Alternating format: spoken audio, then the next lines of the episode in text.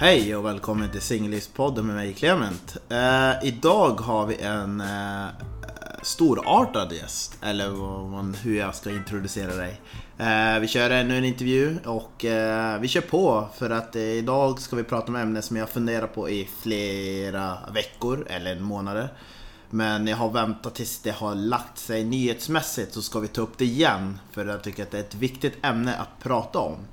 Eh, idag ska vi prata lite grann om domestic violence, män som har lite, lite kunskap inom området, eh, inom hans yrke.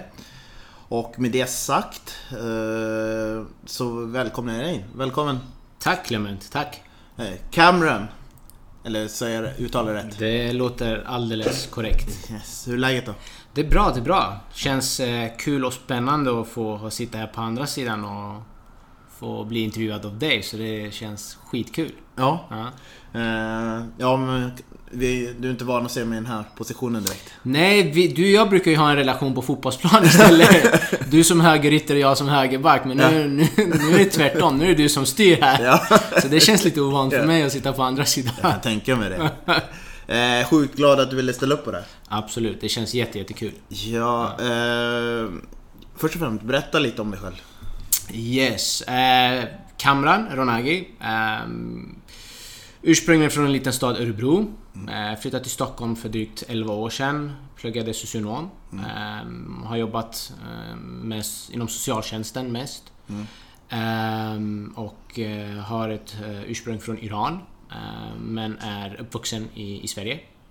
Mm. så, ja, familj, mm. fru, barn, fritid, mycket träning, fotbollsintresse. Ja.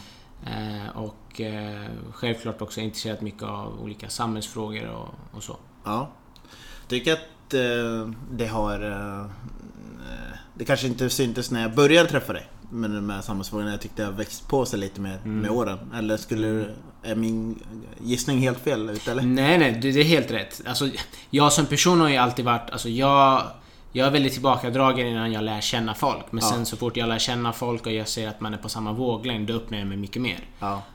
Um, så det, det, är så jag alltid har funkat. Jag släpper ja. inte in folk för nära inpå. Sen har ju samhällsfrågorna alltid varit ett stort intresse för mig. Jag jobbar ju inom socialtjänsten, så jag måste alltid hålla mig ajour kring de frågor det berör. Ja. Och, men även också kring hur, hur, samhället funkar, vad är det som händer nu?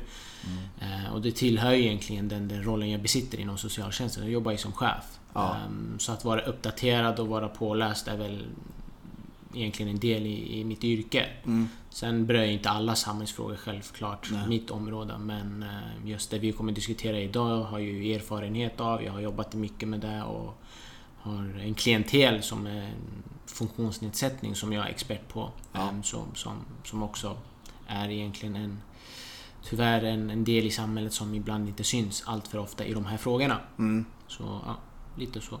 Bra. Det hade inte jag tänkt på överhuvudtaget. Men det var ju bra att du refer- la in det. Mm. Uh, det som är... Oh ja.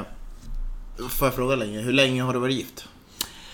Eh, ska vi se, jag träffade min fru 2016 och vi gifte oss ganska tight inpå det. Vi, vi gifte oss 2017. Mm. Så jag har varit gift sedan 2017. Okej. Okay. Um, så ja, fyra år drygt snart. Ja. Du är liksom förebilden för oss andra killar som har varit där i singellivet och det här kan man hamna sen alltså. Det här man kan hamna, ja. på gott och ont. Det finns fördelar och nackdelar med allt. Men ja, visst. Det, till 99% är det fördelar. Ja, ja men absolut. Och jag menar, man, att ha någon som man tycker om att vara med vardag. Evelyn, kanske inte vad alla önskar, men många föreställer sig. Ja, och mm. ibland så hittar man rätt och ibland så hittar man fel och ibland inser man halvvägs att det har varit fel. Ja. Ehm, så. Men hittills har det ju varit rätt. Ja. Ehm, det kan ju vara... Eh, det kan vara en lite känslig fråga. Du behöver inte svara på den om du mm. vill. Men du har väl varit med någon gång om att om man kommer halvvägs och, och sen känner man att det är fel. Ja, ja. Hur, hur var det då? Var det lätt för dig att ta det beslutet eller var det svårt att liksom inse att det här funkar inte, nu måste vi... Nej, det, sådana beslut är aldrig lätta att ta. Man har, varit, har man haft ett förflutet tillsammans i många, många år, man har byggt upp ett liv, man, man har en vision tillsammans. Så det, det är all, aldrig lätt. Nej. Eh, Det är som att ens drömmar kraschar. Ja. Eh, Jag har ju varit med i den situationen flera gånger. Ehm, Det är klart att det tär på en. Men jag tror också man blir väldigt stark av en sån situation. För du märker egentligen hur mycket du klarar av och hur mycket du växer som person. Ja. Eh, Men det viktigaste där är egentligen att försöka hitta ljuspunkten och hitta någonting som man kan luta sig tillbaka mot och titta framåt. Det största misstaget som jag tror, som jag också har fått dra lärdom av, det är att undvika bouncea tillbaks snabbt. Ja. Ha den tiden för dig själv. Våga vara singel ett tag. Våga, våga vara, vara dig själv. Jag tror många är väldigt rädda för det, att vara, leva i ensamhet. Ja. Och de tror att det kan vara fel att göra det. Men jag tror personligen att det kan vara bra att göra det ibland. För man, man finner sig själv, man sätter sig till ro och jag tror man blir starkare som person och upptäcker olika sidor hos sig själv. Och det gjorde jag när jag själv har hamnat i sådana situationer. Ja. Märkte du också bland vänner vilka som var där när det var tungt och när, vilka som drog? Ja, gud ja. Det, och det är där man, man känner sina bästa vänner när man, när man har det som svårast egentligen. Vilka som ställer upp. Inte bara vänner, familjemedlemmar också. Närmaste familjemedlemmar. Vilka som finns där och stöttar en och, och så. Men det som var väldigt tydligt var ju man kunde ju se direkt vilka som, som ställer upp. Och vilka Ja. som är på, vilka som fixar saker. Ehm, jag har ju en, en av mina närmaste vänner, Ali. Ja. Ehm, och han var ju den, typ den första som backade upp mig. eh, Ja. Där och hjälpte mig. Jag hyrde hans lägenhet, jag flyttade in till hans lägenhet. Ehm, sen hade jag min kusin Sepide som verkligen var där, hjälpte mig. Jag bodde hos dem i tre fyra veckor innan jag hittade lägenhet. Ja. Så man såg ju verkligen vilka som, som var där och stöttade när det var som tuffast. Och jag tror jag tror det är svårt att förklara ordet tuff i en sån situation förrän man själv har upplevt det. Ja. Det går inte att beskriva med ord. Nej. Det är precis som någon skulle säga till dig, ja men hur känns det att ha barn? Oavsett hur mycket jag beskriver för någon som inte har barn är det väldigt svårt för dem att sätta sig in i den situationen. För det är en känsla som inte går att beskriva. Samma sak här. Ja. Det är en tuff känsla som inte går att beskriva. Ja. En, en tomhet skulle jag säga är den närmaste känslan man kan känna när man hamnar i sådana situationer.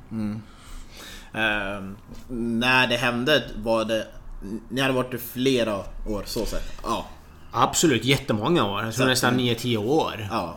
Eh, man hade haft planer på att gifta sig, man hade haft planer på att och, och typ skaffa familj och barn. Men jag tror någonstans där på vägen insåg man att det här kommer inte funka från, från båda hållen egentligen. Och då är det ändå alltid, trots att man kommer i insikt så är det ändå ett tufft beslut att ta. För det handlar mycket om att skulden och känna hur, vad ska jag säga till mina föräldrar? Eller Ja. vad ska vi säga till hennes föräldrar? Vad ska vi säga till våra vänner? Att vi Ja. efter tio år väljer att splittra.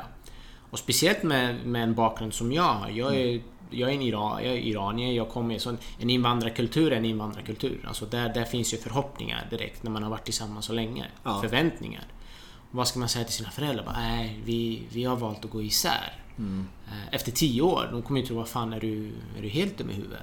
Eh, Men så blir det ibland. Eh, Och det, det får man bara acceptera och, och ta. Men de stod ju ändå upp för dig. Min familj stod upp för mig. Ehm, Det är viktigt på dig. Mina vänner var där när det Ja. behövdes. Ehm, Och viktigast är egentligen att man, man känner den tryggheten eh, som, och den uppbackningen man får. För att kunna ta sig till eh, nästa steg. Och då handlar det ju då att man är trygg i sig själv för att kunna gå vidare. Ja. Så, och då lyckades du gå vidare och sen träffade du din nuvarande Exakt. Jag, jag gick vidare. Eh, jag träffade min fru. ehm, och eh, ja... Det var via en kompis vi träffades egentligen. Eh, jag var i Tokyo Ja. när, jag, när jag skrev till henne för första gången på Facebook. Ja. Ehm, och sen kort efter det så gick vi ut på dejt. Sen kändes allt bara rätt. Och det gick väldigt fort för oss. Vi, vi var tillsammans, vi flyttade ihop inom ett halvår.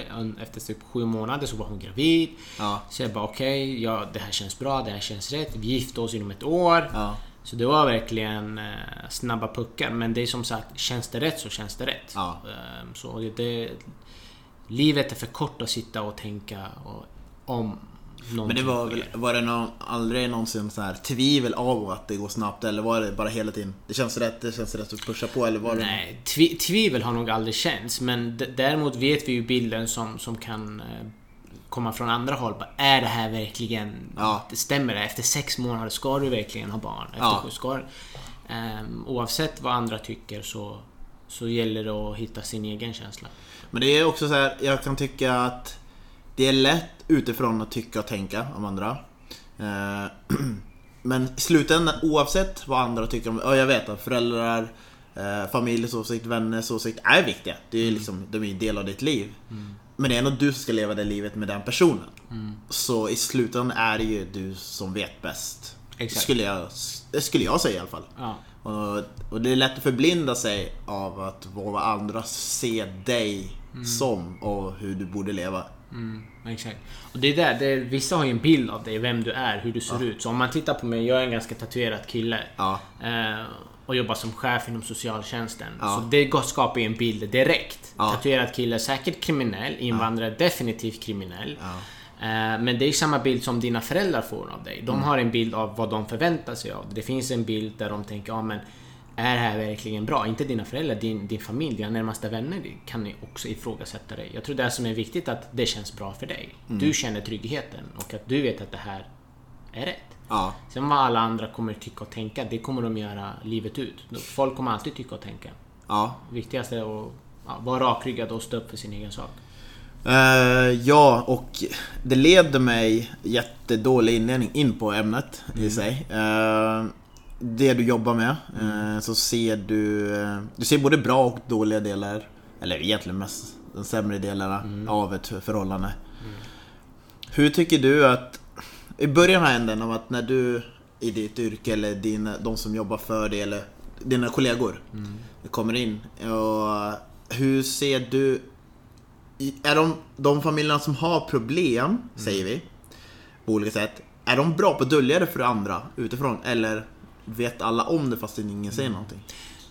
Det är en jättebra fråga. Jag tror det är eh, både och egentligen. Jag tror många familjer är väldigt rädda att det framkommer att det uppstår vissa saker i, i ett förhållande eller i en familjesituation. Ja.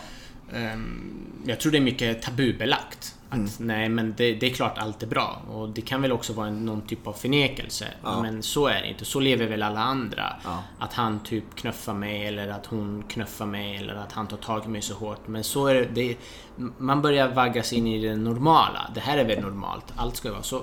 Jag tror det blir på något sätt ett, ett, någon typ av uppvaknande när, när man som, som mina handläggare ställer sådana frågor. Ja. Att man börjar inse, okej det här är inte normalt. Det här Ja. beteendet är inte normalt. Men jag tror mycket handlar om tabu. Jag tror det handlar om bakgrund. Ja. Eh, Att det är tabubelagt att prata om det öppet. Ja. Eh, Och många som vi vet också som, som leder under hedersförtryck Mm. eh, och har andra bakgrunder som, som kan leda till att de blir ja, utsatta av familjemedlemmar som är en trygg punkt för dem. Eh, Så de vågar inte ta det steget. Nej. Och det blir lätt skambelagt över att man, man vill inte anses att man har ett dåligt förhållande eller äktenskap eller någonting sånt. Eh, och det är även, alltså ibland är det så lätt att det fokuseras utåt bland svenskar att det blir bara att det är om invandrare och deras hederskultur. Men det händer ju bland svenska, he, vad säger man? Eh, Vanliga svenska Ja, vanlig, familjer. ja exakt. Ja, det är svårt att hitta ett ordval som passar. Mm. Men, och jag har tänkt på det när jag läste forum tidigare att jag läser kvinnor eh, med, alltså, ja men eh, vad ska vi ta, Birgitta eller Mona eller vad som Mm. helst.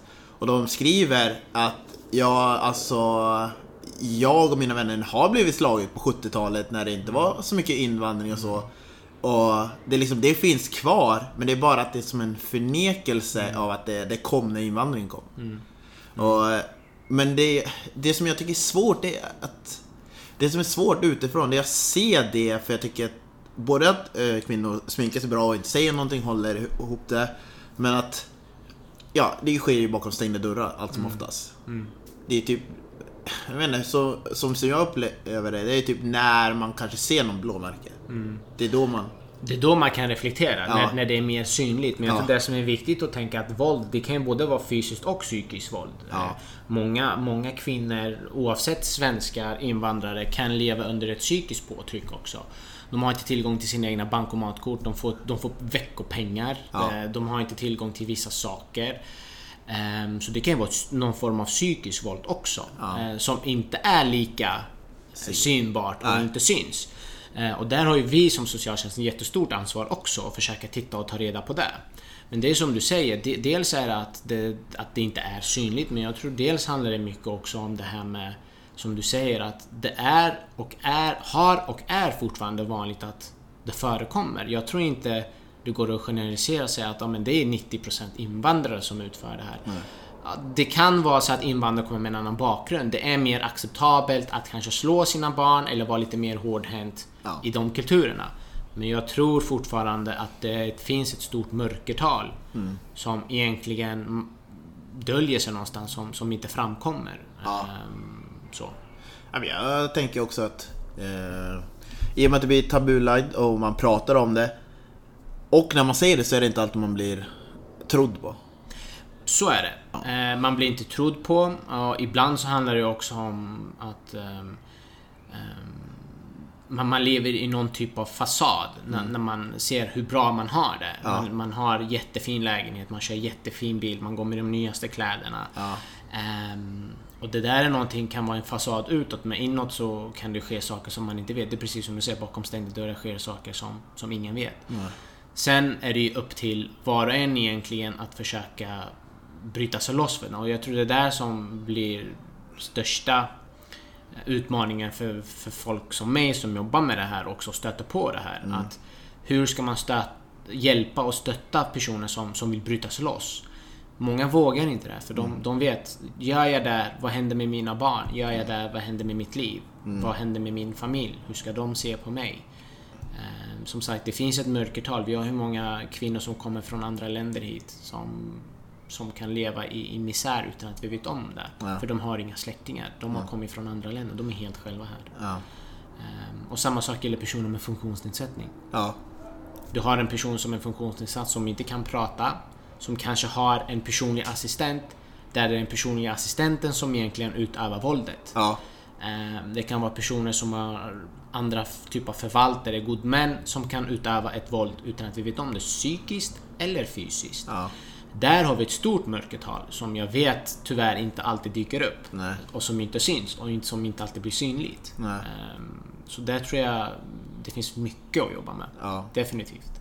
För att nu har vi så här, vi har ju ändå gått omkring vad det finns problem, vad som kan vara problemet. Men vad kan man göra? Alltså, nu, nu var det lite för brett men Alltså vad är det, okay, om jag misstänker att det är någonting sker, vad är det första jag ska göra? Förstår du vad jag tänker? Det, det är egentligen, tror jag, första steget alla behöver göra, det är egentligen, det är egentligen våga ta första steget. Ja. Våga ta första steget och prata om det och ta hjälp av professionella. Det finns olika telefonlinjer man kan ringa till.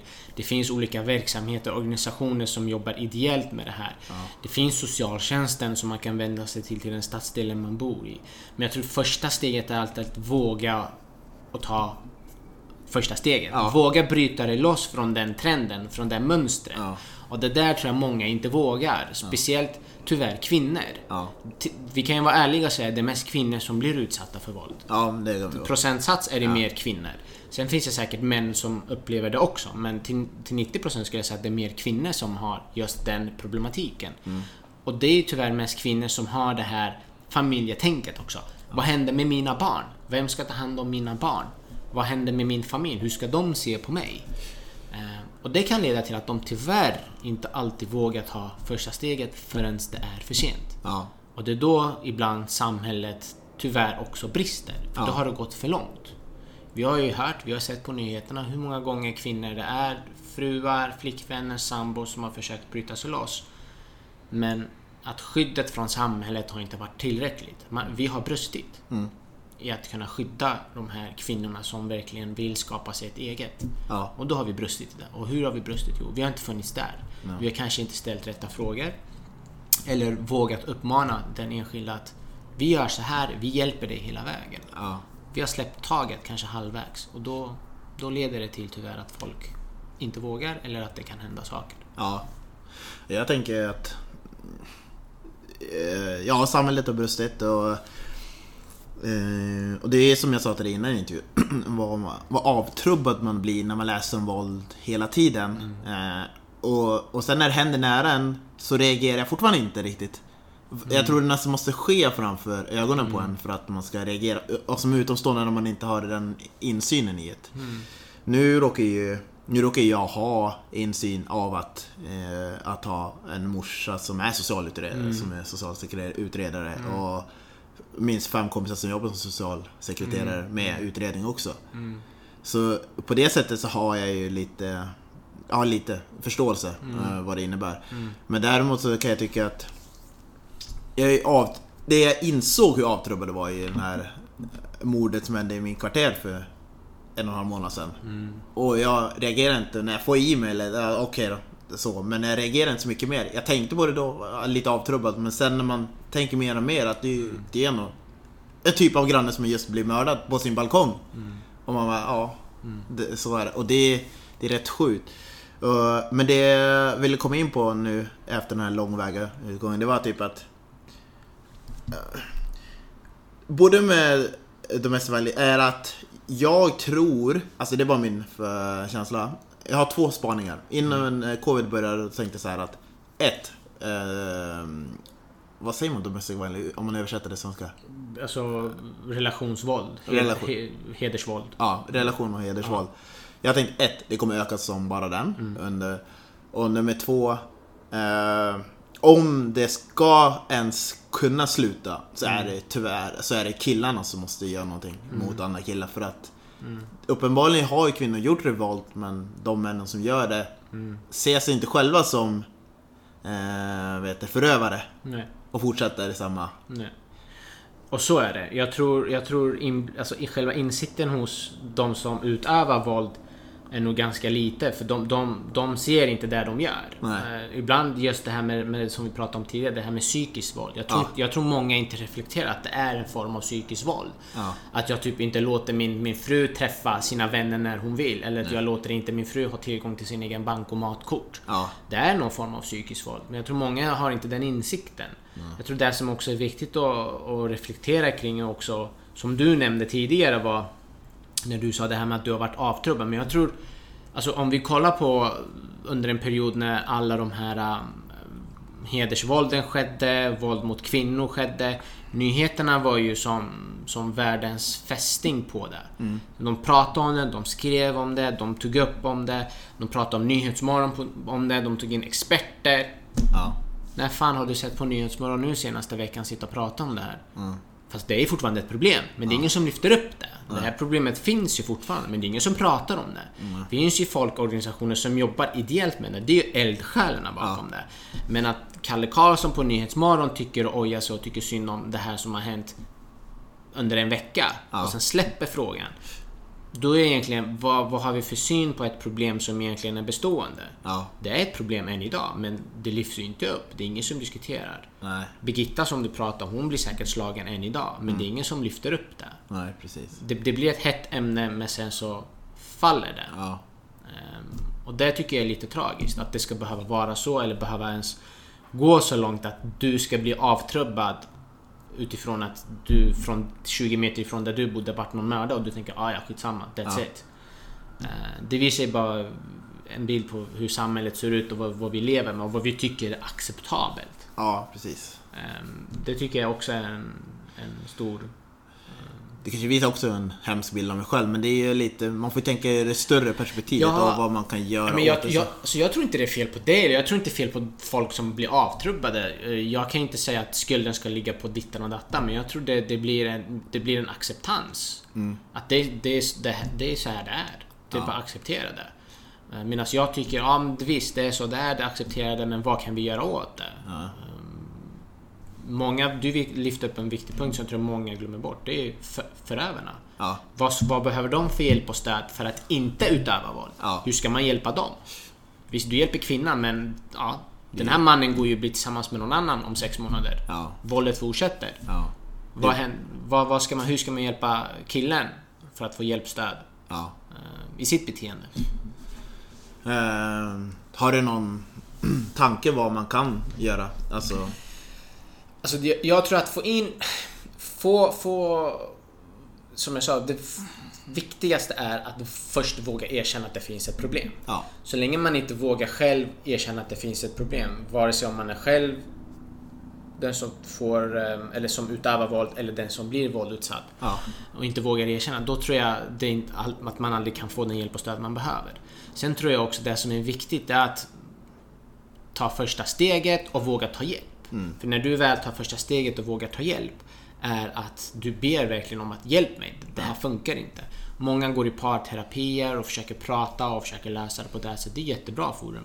Men det finns ju också forum för män som utövar våld och ringa till och prata och ta hjälp av och stöd. Ja. Eh, Vi lever ändå 2021. Den hjälpen finns. Men frågan är bara om man är villig att ta den. Ehm, sanningen ska fram. Vissa har någon form av eh, ja, psykisk ohälsa som kan leda till att de kommer kanske aldrig bli bättre. Och det leder till tyvärr att många åker in i rättspsykiatrin eller att de åker, till, åker in i fängelset för att de typ slår ihjäl sin partner eller dylikt. Men sen finns det ju folk som som kanske inte har den problematiken men som har själva blivit uppväxt att det är okej att slå sin fru. Ja. De är de man ska ta upp och typ försöka hjälpa på bästa möjliga sätt. Ja. Eh, Men de måste ju också vara villiga att ta emot hjälpen. Och är man inte där så är det svårt att hjälpa dem. Men jag tänker, kan det också finnas ett problematik, även om allting mycket sker bakom stängda dörrar, kan det inte finnas problematik att de man umgås med tycker likadant som den personen som gör det? Absolut. Och där, det är typ, jag inte, det är typ där man måste komma åt det lite grann. Mm. Jag tror det är vägen in. Det tror jag. Alltså, alltså, oavsett vad vi vill så är vi, vi människor drar, drar oss alltid till likasinnade. Ja. Oavsett vilka det är. Om det är jobbmässigt, eh, om det är utifrån intressen. Oavsett vad så, vi är byggda på det här sättet. Vi människor dras till likasinnade personer med, med lika intresse. Du och jag drogs till varandra för att vi hade en passion för fotboll. Ja. Sen började vi prata om andra och vi bara shit, vi har mycket gemensamt. Så, så är det också med par. Par dras till par som, som egentligen tänker på samma sätt, gör på samma sätt, agerar på samma sätt och har samma syn på samhället. Och det leder ju att just paren som kanske lever i ett förhållande ibland till största del också har kompisar och umgängen som är på samma sätt också Ja. och tycker att det är acceptabelt. Och det är den här, äh, som vi brukar säga äh, väldigt fin språkligt, det är den här machokulturen. Ja. Eh, Så här kukmätartävling. Ja. Mm, Så är det ju. Vem har störst biceps? Eller vem gör det här? Vem tar mest i bänkpress? Det är typiskt manligt. Ja. Eh, Alltid kunna jämföras. Vem tjänar mest pengar? Vem har bäst jobb? Ehm, Och så kan det vara inom vissa kulturer. Att, det, att, det, ja, de, att man tycker det är acceptabelt inom vänkretsen, till och med inom familjekretsen, att man smäller till sin fru eller smäller till sin unge. Det kan vara acceptabelt. Så är det. Eh, och det är, ja, det är svårt att, eh, att komma runt det, att vända. Jag tänker också att... Eh, jag tänker, undra... Det här kommer jag behöva din hjälp med i tankegången, men hur, hur man skulle... Om man misstänker att det är en kompis som utövar eh, våld mot sin partner, hur man ska gå tillväga. För då tänker man att man sitter i sitsen att man inte vill sätta dit sin kompis, men när man inser att det är någonting som är fel, man måste göra någonting åt. Alltså ska jag vara ärlig, så vet inte jag om det är rätt eller fel. Om jag hade haft en vän eller en person i min närhet som skulle typ slå sin fru eller sin flickvän eller sin sambo. Då hade jag sagt jag bara, vad fan är det du håller på med? Ja. Är du helt dum i huvudet? Ja. Det här beteendet är inte okej. Du kan inte slå din fru. Nej. Det är inte okej. Det, det, så skulle jag reagera. Ja. Jag skulle, alltså, det kan vara min närmaste vän. Ja. Jag hade varit ändå så pass ärlig. Då man säger att ditt beteende är fel. Du kan inte hålla på så här. Men, vi pratade om det tidigare. Problemet är ju att de som utövar det här har ju vänner som tycker det är okej. Ja. De kommer ju aldrig säga till. De kommer ju tycka ah shit häftigt, han, han typ slog till henne. Ja. Medan det finns folk som ser det utifrån det, men vad fan är det du håller på med? Det är just den delen tror jag många backar ifrån och Mm. inte vågar stå upp. Ehm, så, det kan också leda till insikt hos kvinnan att det beteendet är inte okej. Nej. Har du levt i ett förhållande där du har blivit slagen i 10 års tid. Ja. Till slut blir det beteendet normalt för dig. Du tycker det är normalt att åka på en smocka då och då. Det tillhör. Du blir glad om du får två smockor istället för fyra under en dag. Mm. Fast de där två smockorna är redan för mycket. Ja. Så jag tror det gäller att bryta den trenden oavsett. Våga gå in och bara säga att det är inte okej beteende. Nej, men precis. Ehm. Så jag hade en fråga här. Jag tänkte, ska vi se om... Det, det, här, är- det kan vara ganska breda frågor. Men vad är det mest eh, gemensamma orsaken till eh, i, ditt, i din erfarenhet och kunskap till eh, vet, relationsvåld? gemensamma orsakerna. Alltså jag, jag, tror det handlar mycket om just det här med att... Att, att, att män vill på något sätt ha någon form av kontroll. Ja. Det är kontrollbehov. Uh, och kollar man tillbaks ur minnestider så har ju män alltid haft någon form av kontroll över kvinnor. Mm. Och, och, det tycker jag är fel spontant om du frågar mig. Men jag tror det gemensamma är just det. Att det finns någon form av behov av kontroll. Ja. Och när man inser att man inte har den kontrollen så kan det gå på överstyr. Och då ja. överstyr att man, att man går över och typ slår sin, sin kvinna. Ja. Ehm, så, och sen tror jag att de gemensamma faktorerna som man kan se också, även som alla har pratat om, journalister och allt detta, all forskning som har gjort, är också ett beteendemönster hos, hos många. Det är att många som, som utövar våld har ju också själva haft någon form av miljö som de har blivit uppvuxna i och levt i den miljön. Att pappa har slagit mamma eller pappa har utövat våld. Det finns ju forskning på det som visar att man har, in, man har från, sedan barnsben insett att det är ett okej okay beteende. Mm. Um, så. Och det, ja, hur man ska komma till bukt med det, ja, någonstans måste man väl klippa den, den ja. tråden. Um, så. Um, jag vet ett fall som vi hade, inte för så länge sedan, uh, inte på det här yrket jag är nu, men tidigare när jag jobbade själv som handläggare, var vi hade en person som var våldutsatt och där jag verkligen som handläggare gick in och grävde i det och försökte ta reda på varför det har hänt. Jag grävde så pass djupt att mannen till slut sa till mig att han vet inget annat bättre sätt mm. än det här. Ja. Han visar sin kärlek genom att slå sin fru. Mm. För det var vad hans pappa sa till, sin, till, till han, när han slog sin mamma. Att jag älskar din mamma, det är därför jag slår henne. Ja. Um, och det visar ju bara ett tecken på en skev bild som finns redan från barnsben. Ja. Uh, att det mönstret byggs på. Mm. Det mönstret följer med en livet ut. Om man inte bryter det. Nej. Ja, det var bra. Du kom in på det jag tänkte där med just det där när förövarna har ibland sett det, men också utsatt för det. Mm. Så är det ju svårt att bryta mm. det för de, det, är liksom, det är deras normala. Mm. Uh,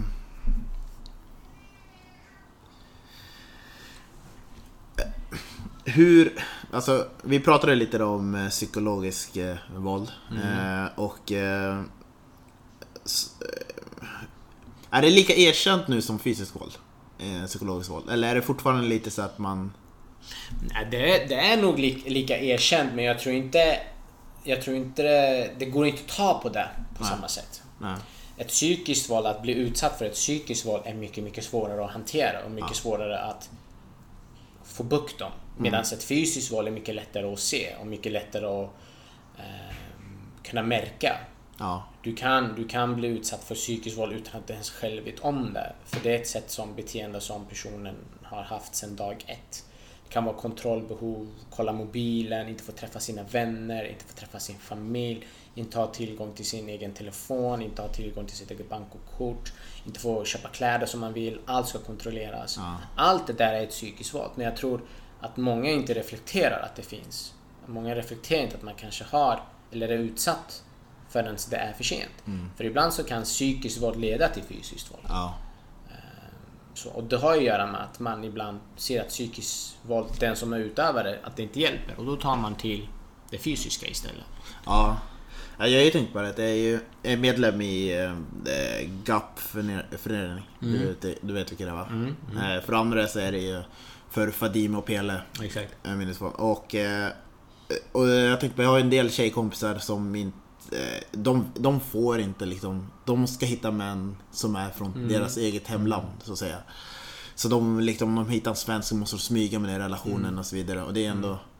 Eh, och det är ändå ganska sjukt i dagens samhälle men det är någonting man får väl... Det kommer... Jag kan inte säga att det kommer försvinna över tid. Nej, det, det finns än idag och ja. det är helt sjukt. Det är 2021 men det här förekommer. Ja. Att kvinnor får inte träffa vilka män de vill. Ja. Att det ska vara tabubelagt. Ja. En, en kvinna från Iran, från Syrien, från Turkiet, från Kurdistan, vart man än kommer ifrån, ja. vilken land man än kommer ifrån.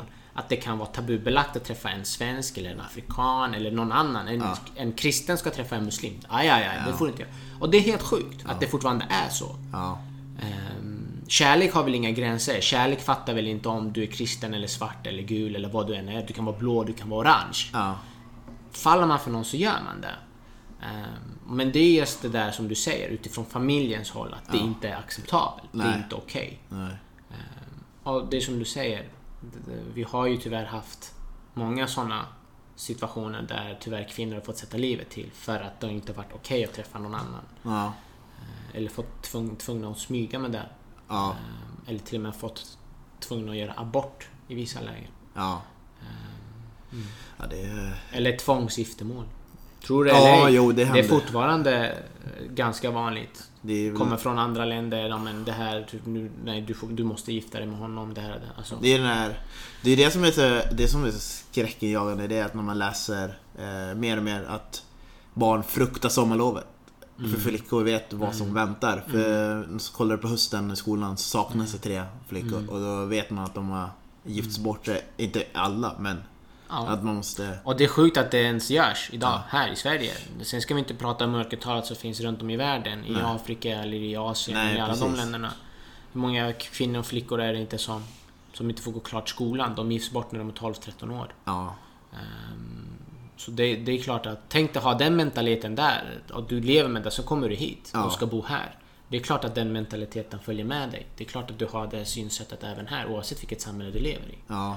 För när du flyttar hit som invandrare, vad är det, första samhället gör?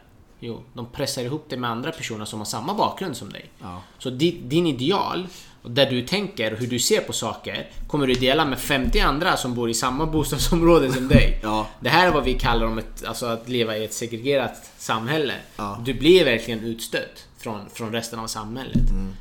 Det är lite som att eh, vi tar in det men du får leva där. Ja men Håll så dig. är det. Men kolla bara vart jag är. Jag kommer från en liten eh, stad som heter Örebro men jag är uppvuxen i en av Sveriges eh, värsta städer, Vivalla. Jag är uppvuxen där. När folk, alltså tro det eller ej, när folk flyttade till Vivalla, det första de de stoppade in varje invandrare in i Vivalla. Ja. Är det bra? Nej, det är inte så jävla bra.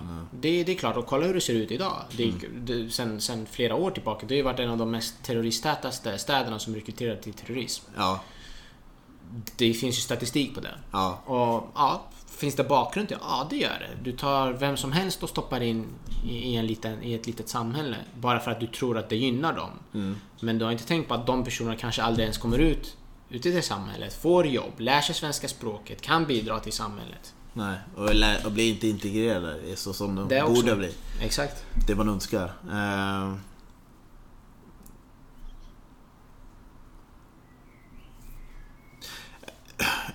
Från den här, det här är en svår fråga, men från, om till skillnad från att separation eller lämna rel, relationer, finns det någon som du har upptäckt så här eh, succé, succé eller men en förbättring av eh, relationsvåld som kan bli hanterad eller ja. Mm. Ja, det är klart. Nu har vi pratat mycket om det negativa, men Ja. det finns ju också jättepositiva. Vi pratade om många organisationer som jobbar frivilligt. Eh, som verkligen bidrar till, till kvinnors rätt, till, till kvinnors delaktighet i samhället, till kvinnors egen rätt till att ha alltså få, få vara som de är. Ja. Vi har jättemånga sådana också där, där, vi, där vi har sett våra insatser och hjälp med andra insatser har verkligen frigjort kvinnan och sett hur, hur hon har växt och vågat ta steget ut och skapa sin egen karriär, en egen linje och flyttat och verkligen blomstrat. Ja. Vi har många sådana fall också.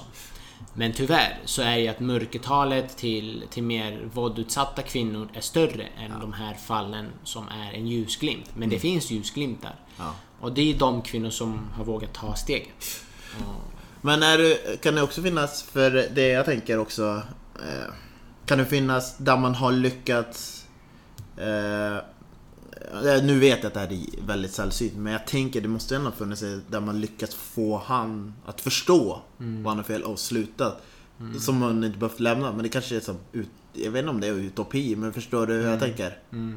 Ja, något fall har jag varit med om, men då har ju fortfarande kvinnan lämnat. Ja, Och han har fått den hjälp och stöd han behöver utifrån behandling, utifrån hjälp eh, kring, kring samtal, psykologer. Ja. För att inse det beteendet eller det mönstret han har haft har varit fel. ja, Eh, absolut, visst gör det det. Men jag tror första steget har ändå varit att kvinnan har varit tvungen att typ gå och Ja. inte finnas med i bilden.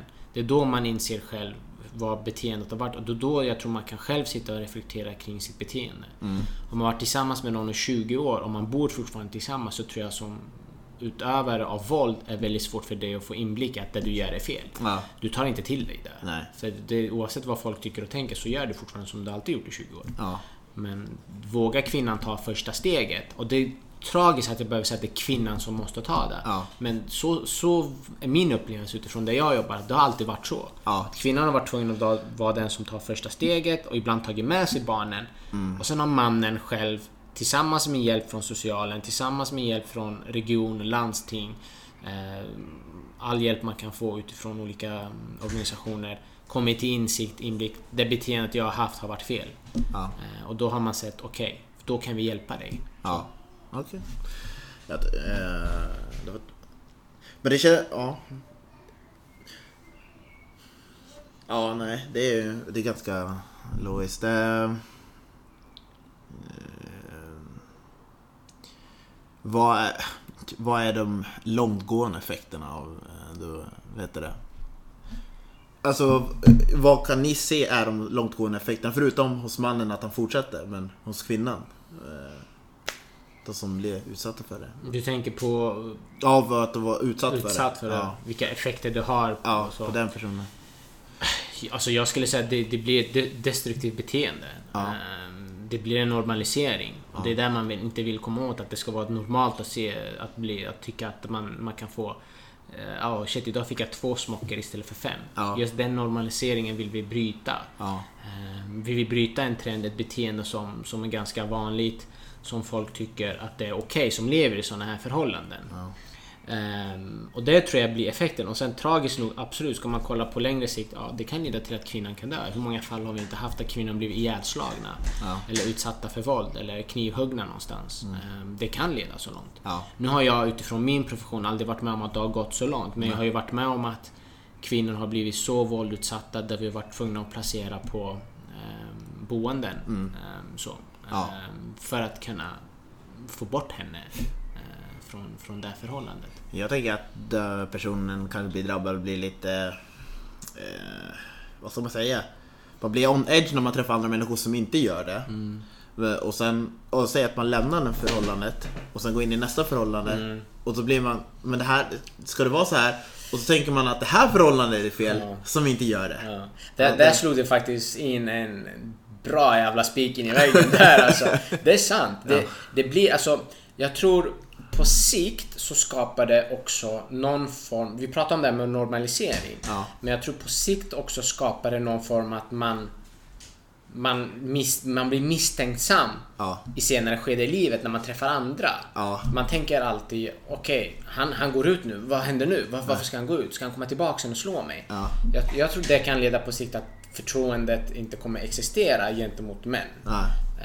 Det är som sagt, som du säger, det blir någon form av normalisering. Man går alltid på, på tå för att Mm. man tror att någonting ska ske. Fast det här är vad ett normalt förhållande är. Ja. Ehm, Så. Och, jag, och, det, och det blir så sjukt sorgligt över att den personen var- Okej, han, han älskar mig inte för han, han slår inte mig och Mm. den vardag och sen Jaha, eh, ska jag lämna det och gå till någon som... Förstår du? Det blir som Mm. Eller en, shit, han, han, han kollar inte min telefon. Nej.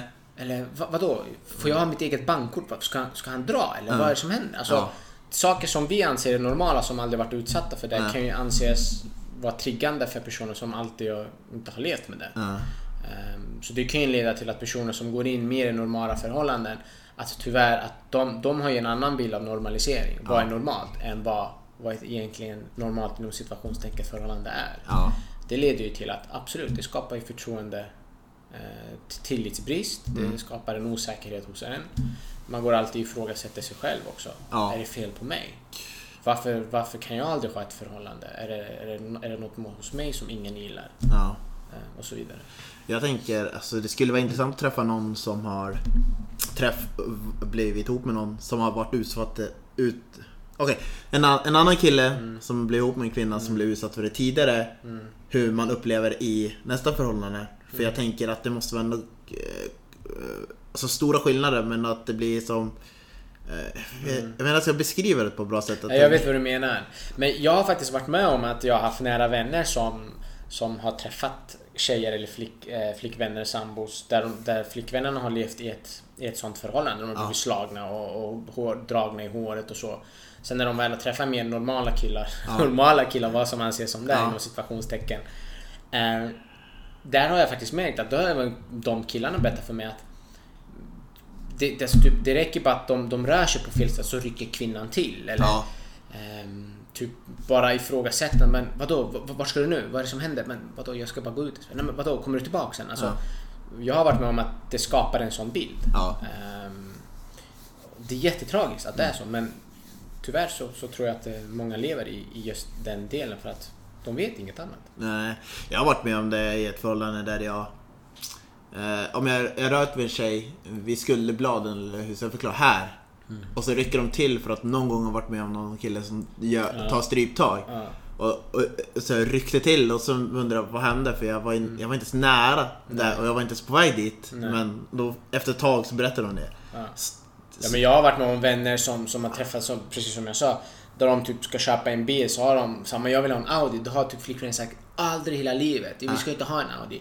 För just den Audin har de haft en förknippning, de har förknippat det till sin dåvarande kille Ja. som har slagit dem. De, de, de har den associationen till Audi. Ja, Så ja, jag förstår vad du säger. ja, Just det, att man tar någon på något ställe, det väcker upp känslor. Eller en bil, eller en lukt. ja. Eller ett beteende som är ganska normalt. Om man, typ, man kanske bara sträcker upp sin hand. Och sen kan tjejen rycka till bara för att man typ sträcker upp sin hand. Ja, precis. Ehm, så tyvärr, ja, jag tror det är ganska vanligt förekommande. Ja, just sträcka upp ett hand. Det har jag nog gjort någon gång. Och det var inte ens, Det var om jag sträckte på mig någonting men det var rädd att det, skulle ju aldrig hända eh, att man gör det. Det är jättevanligt att, alltså jag har varit med, jag har till och med, jag har till och med sett det under en middag när jag satt med en kompis. Han, han typ bara skulle sträcka sig bara så här, han Ja. Alltså tjejen hoppade till som jag trodde hon hade sett någonting. Ja.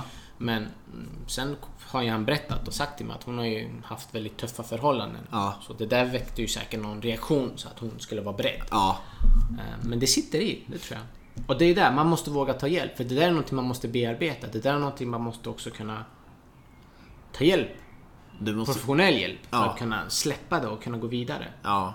Och, och det tänker jag, det är som den partnern som, som du är om din tjej till exempel. Eller om det är tvärtom, det är vilket som. Mm. Att man måste våga pusha den personen mot att ta hjälp. Det tror jag. Och sen tror jag det är viktigt också att prata mycket och ha en bra kommunikation. Jag tror det är mycket jag tror det är viktigt att som, kille där inte gå in och säga vad som är rätt eller fel. Nej. Eh, Men ändå visa på något sätt en trygghet. Säga att jag finns här för dig. Jag, jag står bredvid dig och du behöver aldrig vara orolig. Jag kommer aldrig utsätta dig för någonting. Ja. Men jag tror ord hjälper inte. Man måste visa det i handlingar. Jag tror man, man, må- man måste låta, låta det ta den tid det tar. Mm. Eh, Allt handlar om tillit och tillit byggs med tid. Ja. Eh, Och sen också vara ärlig och säga du kanske behöver hjälp men jag finns här. Jag kommer inte lämna dig för det. Nej. Eh, Det tror jag är jätteviktigt. Ja. Och jag tror, jag menar... Och ibland, alltså man blir lite rädd för det där för jag har tänkt på det någon gång när jag försökt Det är någon situation när jag träffar någon och, och hon har sagt någonting och sen har jag kanske rättat Mm, Och då säger de du mansplainar mig Och jag har ingen aning om att jag gör det För mig var det bara, ah, okej jag sa bara det som förbättrade Det var inget så här att jag hade inte tänkt att jag var bättre Jag tänkte, jag bara slog Sa bara det som slog mig i huvudet Så man blir lite så här. Eh, jag kan bli lite on edge av den anledningen. För att jag vill inte göra någonting fel. Nej. Och då är inte du dig själv. Nej. Då måste du gå och tänka på vad du säger, hur du går, vad du gör hela tiden. Ja. Och, och det är där vi pratade om tidigare. Det blir ju inte gynnsamt i längden. Nej. Till slut kommer ju det innebära att man kanske går åt skilda håll fast man egentligen inte borde det. Nej. Det blir varken bra för dig, du får inte vara dig själv. Nej. Och det blir inte bra för henne för hon går och misstänker allt du säger, allt du gör. Ja. Så att... eh, Det är osunt ja. på sikt. Eh, nej, man får väl helt enkelt bara försöka ta det med sunt förnuft och, och så hjälpa och stötta. Och eh, sen, att, både som den som lever i ett sånt förhållande. Och jag är säker på att det kan vara någon som lyssnar som har varit i det. Eller lever i det. Man vet ju inte. För det är lätt att man tror att det är säkert den personen. Man anar ju inte att... för- Hur ska jag förklara? Den personen som du, som kanske är din vän. Eh, eller någonting. Man misstänker inte den personen. Nej. Och så kan det vara. Så jag tror det är just det som du säger. Det alltså, folk som utövar våld, folk som blir utsatta för våld ser ut precis som du gör och som jag gör. Ja, det finns ingen speciell Det look. finns ingen speciell look eller speciellt alltså, sätt och de går eller så som man kan särskilja. Det kan vara din granne utan att ens vet om det. Så jag hoppas, jag hoppas verkligen att någon, någon som lyssnar på det här tar till sig och tänker om eller tänker igen. Om, shit, kan jag vara en av dem som utövar våld? Måste jag ändra mitt beteende? Är det okej om jag gör det? Ja, Ja. det är okej att göra det. Eller den som blir utsatt för våld. Shit, det kanske är dags för mig att tänka på mig. Ja. Och våga tänka så. Det är inte själviskt att tänka så. Nej.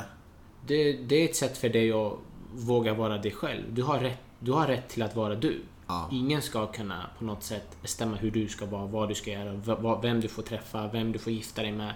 Eller så. Ja, jag tycker vi lever ändå i ett samhälle som, som är acceptabelt och man ska få vara som man är. Jag tänker att... ehm, ja, och att våg, våga stå upp om du märker att någonting är fel. Eh, sen att... ehm, alltså om du ser någonting hos en okänd person. Eh, jag minns för flera år sedan jag bodde i Flampan. Eh, Det här är alltså 7-8 år sedan. Så satte de, började polisen sätta upp flyers, alltså lappar, i hur trappuppgången. Ring det här numret när du hör någonting. Ibland kunde man höra någonting men man ville ringa på polisen. Men man kunde inte, för det var åttavåningshus i fyra lägenheter. och så- Man vet inte vilken lägenhet det var. Så man kunde inte ringa. Man hörde att någon slog någon men man vet inte vart. Och då är det svårt att ringa och säga ja, jag tror att det är någon som slår någon i någon lägenhet i min trappuppgång men jag vet inte vilket. Det är åtta våningar. Eh, vad är det? Det kan vara 40 familjer i en trappuppgång. Då kan jag inte ringa och säga. Och- men att man ska våga ta steget om man ser någonting, anar någonting. Kanske prata med den personen. Även om det kan vara riskfyllt också om den... Ja, ja, det tror jag. Ja. Jag tror, jag tror den avvägningen måste man göra. För när det är i sådana skeden när sånt sker och den, den som utsätter den andra för våld. Jag tror risken att man ska avbryta någonting är nog ganska stort. Att man ska helst undvika. Ja. Så jag tror det är alltid bättre att ta professionell hjälp. Ja. Och säga du, jag hör min granne slå, slå hans fru. Så Ja. ni får gärna komma ut. Eh, Men sen är det som du säger, våga stå upp för det. Men man kan stå upp för det på olika sätt. Mm. Eh, Man kan ringa det där samtalet. Man kan kanske eh, avbryta någonting när man ser att det börjar urarta. Ja. Eh, bara du, ta det lugnt nu. Det är inte läge att du gör sådär nu Nej. här. Eh, det tror jag är viktigt men man ska nog vara försiktig med att kliva in i, ett, i en sån skede där våld, våldet är Det är väldigt sällan hjältegloren är som man hade tänkt innan. Nej, det är inte som eh, Die Hard. Man knackar på dörren och typ slänger ner killen och brottar ner honom. Nej. Eh, visst kan det vara så, men det är inte så det alltid funkar. Nej. Eh, så det är som... Jag tror det gäller att vara... Alltså, vad brukar jag säga? Du måste vara lite gatusmart. Mm. Och tänka om, tänka rätt. Eh, så är det, är det läge för mig att kliva in här när jag hör min granne verkligen slå sin fru? Ja. Ja, risken för att han utsätter mig för någonting eller skadar henne ännu mer större. Då kanske Ja. det är bättre om jag ringer polisen och säger det här, jag står vid lägenheten här. Kom hit nu. Ja. Det är precis. Det är smartare. och de har ju en annan befogenhet att göra någonting än vad du... De kan kliva in, slå upp dörren eller knacka och ta med sig mannen och Ja. ta med sig kvinnan och, så att hon får rätt hjälp. Ja. Eh, än att du ska knacka upp där och leka Rambo och brotta ner honom. Jag tror man har en vision hur man gör. ja, det brukar ja, sällan gå till. Ja, typ att jag har räddat kvinnan och sen man själv åker dit på Man någonting. åker dit eller ja. Så att, På gott och ont, vi lever ändå i ett samhälle där det kan vändas emot dig. Du kanske, jag vet smäller till mannen eller killen så åker du dit för någon jävla misshandel eller något. ja. Så kan det vara. Så var försiktig på det sättet, men ta, våga Men ta våga steg. ta steget, Ja. definitivt.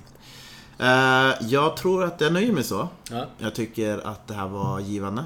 Eh, tack för att Tack du ville ställa upp. Eh, det var kul att äntligen få göra avsnittet som jag har funderat länge på. Eh, och eh, det här är nog första gången jag kommer säga att jag kommer inte klippa ett skit i det här Nej. avsnittet. det här har bara funkat helt rakt av. Eh, tack alla lyssnare. Jag kommer från och med nu släppa avsnitt varannan vecka. För det är mest att jag inte hinner göra så mycket varje gång. Och eh, jag tycker att den här avsnittet är det avsnitt som kommer sprida mest, jag kommer tjata på mest att lyssna på. All, vi kan alla göra en insats hur små det, hur små, hur liten insatsen än är så kan, kommer det alltid kunna hjälpa någon. Och eh, med det slutordet våga prata om det istället för att gömma undan det. För det är inte tabu om vi ändå kan hjälpa den personen som blir utsatt. Så med det, tack så mycket för att lyssna och tack Cameron för att vara med. Tack, Eh, tack. Jag kommer lägga upp eh, din Instagram och Facebook så om folk vill prata jag med dig. sprider vidare därifrån. Tack så mycket. Ha det så bra.